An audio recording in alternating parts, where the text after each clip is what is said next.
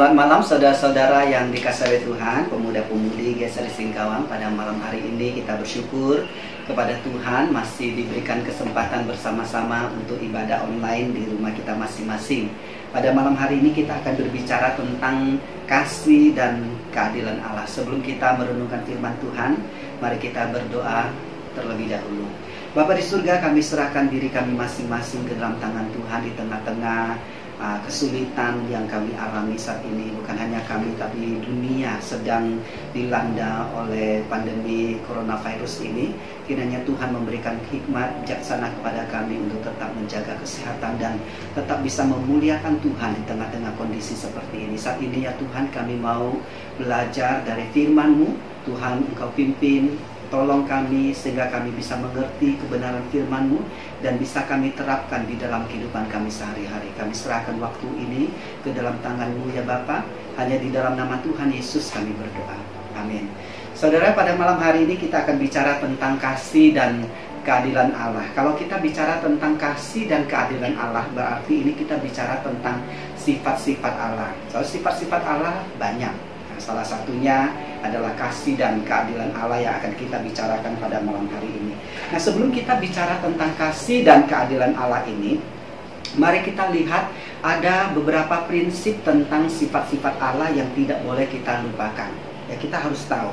Yang pertama, sifat-sifat Allah itu tidak bisa berdiri sendiri-sendiri atau dia tidak terpisah-pisah karena sifat Allah ini adalah satu kesatuan yang sempurna. Kemudian prinsip yang kedua tentang sifat Allah adalah sifat Allah itu tidak saling bertentangan karena Allah tidak bisa menentang dirinya sendiri. Misalnya kalau ada orang mengatakan tentang sifat kemahakuasaan Allah. Orang mengatakan Allah itu maha kuasa kan?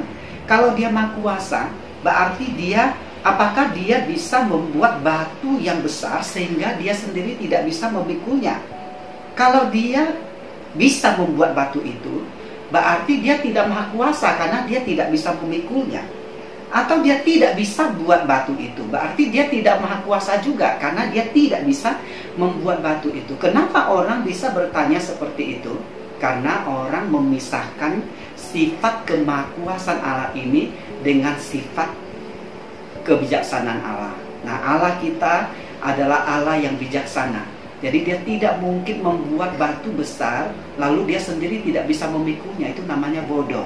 Jadi dia maha bijaksana, berarti dia tidak bisa menentang dirinya sendiri dengan melakukan sesuatu yang bisa melawan dirinya sendiri. Demikian juga dengan sifat keadilan dan kasih Allah yang akan kita bicarakan pada malam hari ini. Nah, saya akan terlebih dahulu bicara tentang keadilan Allah. So di dalam Roma pasal 3 ayat 25 di situ dikatakan Kristus Yesus telah ditentukan Allah menjadi jalan pendamaian karena iman dalam darahnya. Hal ini dibuatnya untuk menunjukkan keadilannya karena ia telah membiarkan dosa-dosa yang telah terjadi dahulu pada masa kesabarannya. So kita lihat keadilan Allah itu selalu berkaitan dengan kondisi atau keadaan manusia yang sudah jatuh ke dalam dosa. Nah, selain nanti di dalam penghakiman ada keadilan Allah atau di dalam kehidupan sehari-hari kita keadilan Allah itu juga dijalankan. Tapi kebagian ini berbicara keadilan Allah itu berkaitan dengan kondisi manusia yang berdosa Nah, kalau kita bicara tentang keadilan Allah, maka tidak ada seorang pun yang bisa bertahan di hadapan keadilan Allah. Kenapa? Kalau kita bicara tentang keadilan Allah, Allah itu adil berarti Allah itu layak, pantas, harus menghukum manusia yang jatuh ke dalam dosa. Karena dosa ini tidak bisa dikompromi dosa harus dihukum, harus dibayar dengan harga yang sangat mahal, yaitu kematian. Nah, bagaimana Allah menjalankan keadilan ini? Dan bagaimana mungkin manusia bisa menghadapi keadilan Allah ini? Kalau kita bicara tentang keadilan Allah sekali lagi tidak ada seorang pun yang bisa bertahan di hadapan Allah karena pada dasarnya manusia telah jatuh ke dalam dosa dan manusia tidak mungkin bisa bertahan di dalam keadilan Allah itu ya. Jadi banyak orang juga salah paham tentang keadilan Allah ini. Banyak orang mengatakan Allah itu adil itu seperti seorang polisi ya yang galak yang tidak ada belas kasihan yang kalau bersalah maka harus dihukum dengan adil. Tidak bisa ditawar-tawar tapi kita jangan lupa, Allah juga adalah kasih. Jadi keadilan Allah dengan kasih Allah ini tidak boleh kita pisahkan. Sekali lagi prinsip sifat Allah tidak terpisah-pisah, tidak berdiri sendiri, tapi mereka adalah satu kesatuan. Kalau bicara tentang kasih Allah, jelas sekali Alkitab juga mengatakan, karena begitu besar kasih Allah akan dunia ini, sehingga ia telah mengaruniakan anaknya yang tunggal, supaya setiap orang yang percaya kepadanya tidak binasa, melainkan beroleh hidup yang kekal. Jelas sekali ayat ini mengatakan Allah adalah kasih. Allah mengasihi orang yang ada di dunia ini. Bahkan Alkitab mengatakan Allah itu adalah kasih. Artinya Allah mengasihi manusia tapi di pihak lain, Allah tidak bisa kompromi dengan dosa manusia. Jadi bagaimana kasih dan keadilan Allah ini bisa bersatu? Di sini juga orang sering kali salah paham tentang kasih Allah. Banyak orang berpikir kasih Allah itu seperti seorang nenek yang sayang kepada cucunya. Apa pun kesalahan cucunya, yang nggak peduli, tetap sayang. Ya, dimarah oleh mamanya, nenek membelanya. Dimarah oleh papanya, nenek membelanya. Pokoknya nenek ini sangat sayang sama cucunya. Jadi orang berpikir kasih Allah juga seperti itu. Ternyata tidak. Kasih dan keadilan Allah ini harus berjalan bersamaan. Ya, sekali lagi Allah itu kasih artinya Allah itu mengasihi umat manusia. Namun manusia telah jatuh ke dalam dosa dan dosa itu tidak bisa dikompromi.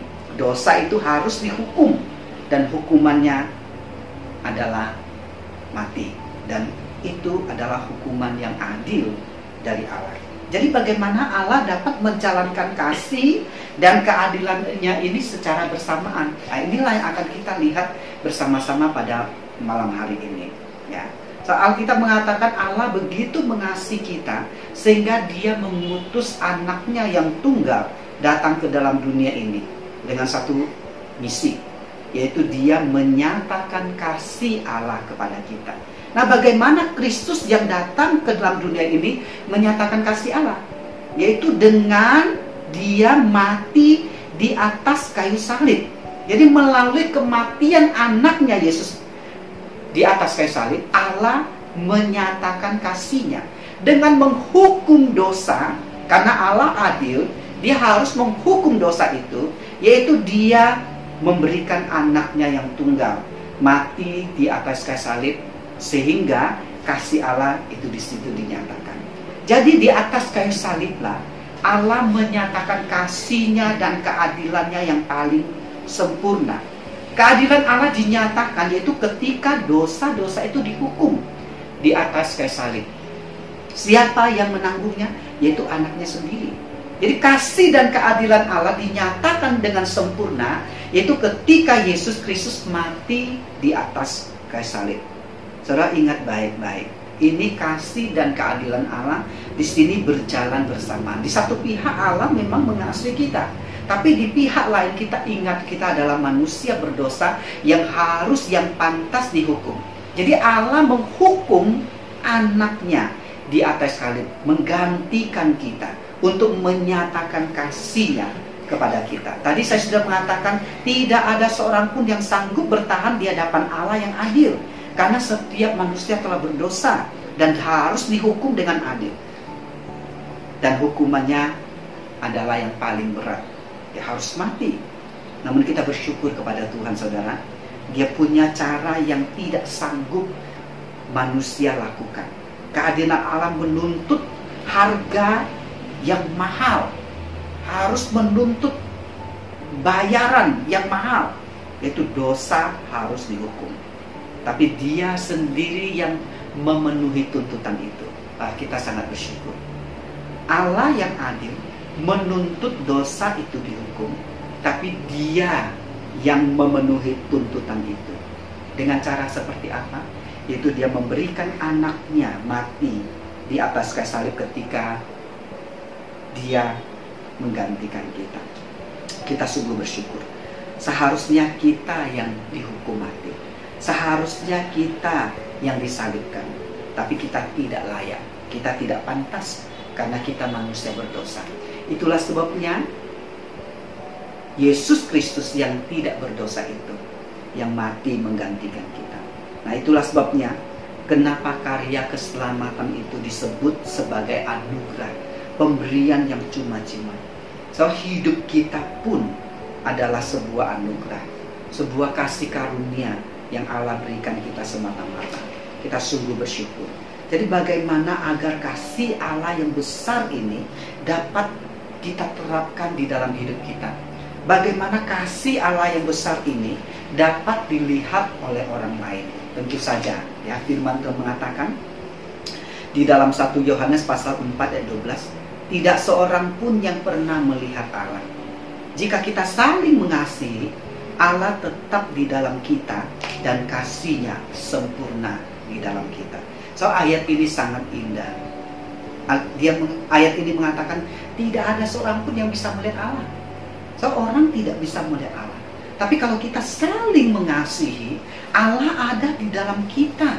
Kasihnya sempurna di dalam kita sehingga orang bisa melihat dan merasakan bahwa ada Allah. So dengan cara mengasihilah maka Allah dapat dilihat di dalam hidup kita. So, mengapa kita harus mengasihi? 1 Yohanes pasal 4 ayat 10 mengatakan, Inilah kasih itu bukan kita yang telah mengasihi Allah, tetapi Allah yang telah mengasihi kita dan yang telah mengutus anaknya sebagai pendamaian bagi dosa-dosa kita. So kita mengasihi itu dasarnya karena Allah terlebih dahulu mengasihi kita. Kemudian di ayat yang ke-11 dikatakan, Saudara-saudaraku yang kekasih, jikalau Allah sedemikian mengasihi kita, maka haruslah kita juga saling mengasihi. Saudara lihat, kita ini adalah sebuah perintah, suatu keharusan, yaitu kita harus saling mengasihi, belajar mengasihi, karena Allah sedemikian mengasihi kita. Dia telah menghukum dosa itu dengan adil, yaitu menghukum anaknya sendiri mati di kayu salib untuk menyatakan kasihnya kepada kita yang begitu besar.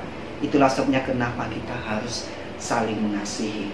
Kemudian ayat yang ke-19 juga mengatakan, kita mengasihi karena Allah lebih dahulu mengasihi kita. Saudara, biarlah pelajaran firman Tuhan pada malam hari ini tentang kasih dan keadilan Allah kita boleh terapkan di dalam kehidupan kita.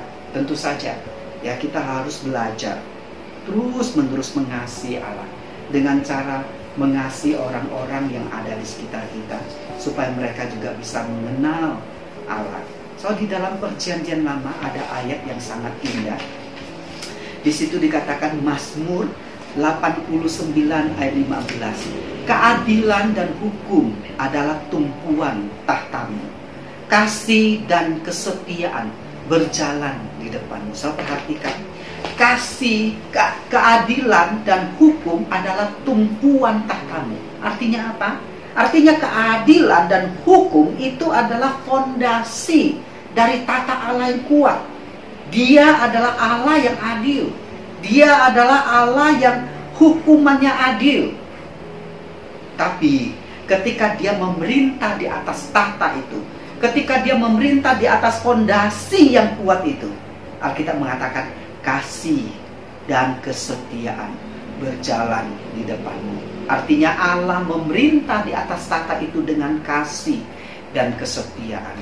Kalau kita ingat Allah kita adalah Allah yang penuh kasih setia. Dia setia kepada janjinya. Dia mengasihi kita selamanya. Itulah sebabnya kita harus belajar mengasihi So di tengah-tengah kondisi yang kita alami ini, so ada baiknya kita belajar menyatakan kasih Allah kepada orang-orang yang mungkin membutuhkan. Banyak hal yang bisa kita lakukan.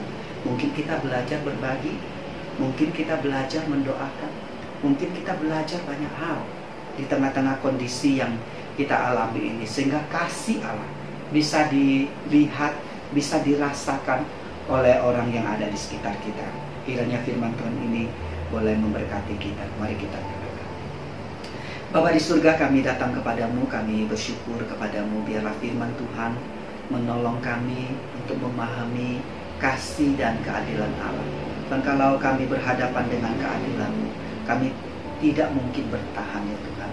Kami pantas dihukum, kami layak dihukum. Tapi karena kami manusia berdosa, maka hukuman yang kami terima tidak bisa menghapus dosa kami. Itulah sebabnya engkau mengutus anakmu yang tunggal ke dalam dunia ini.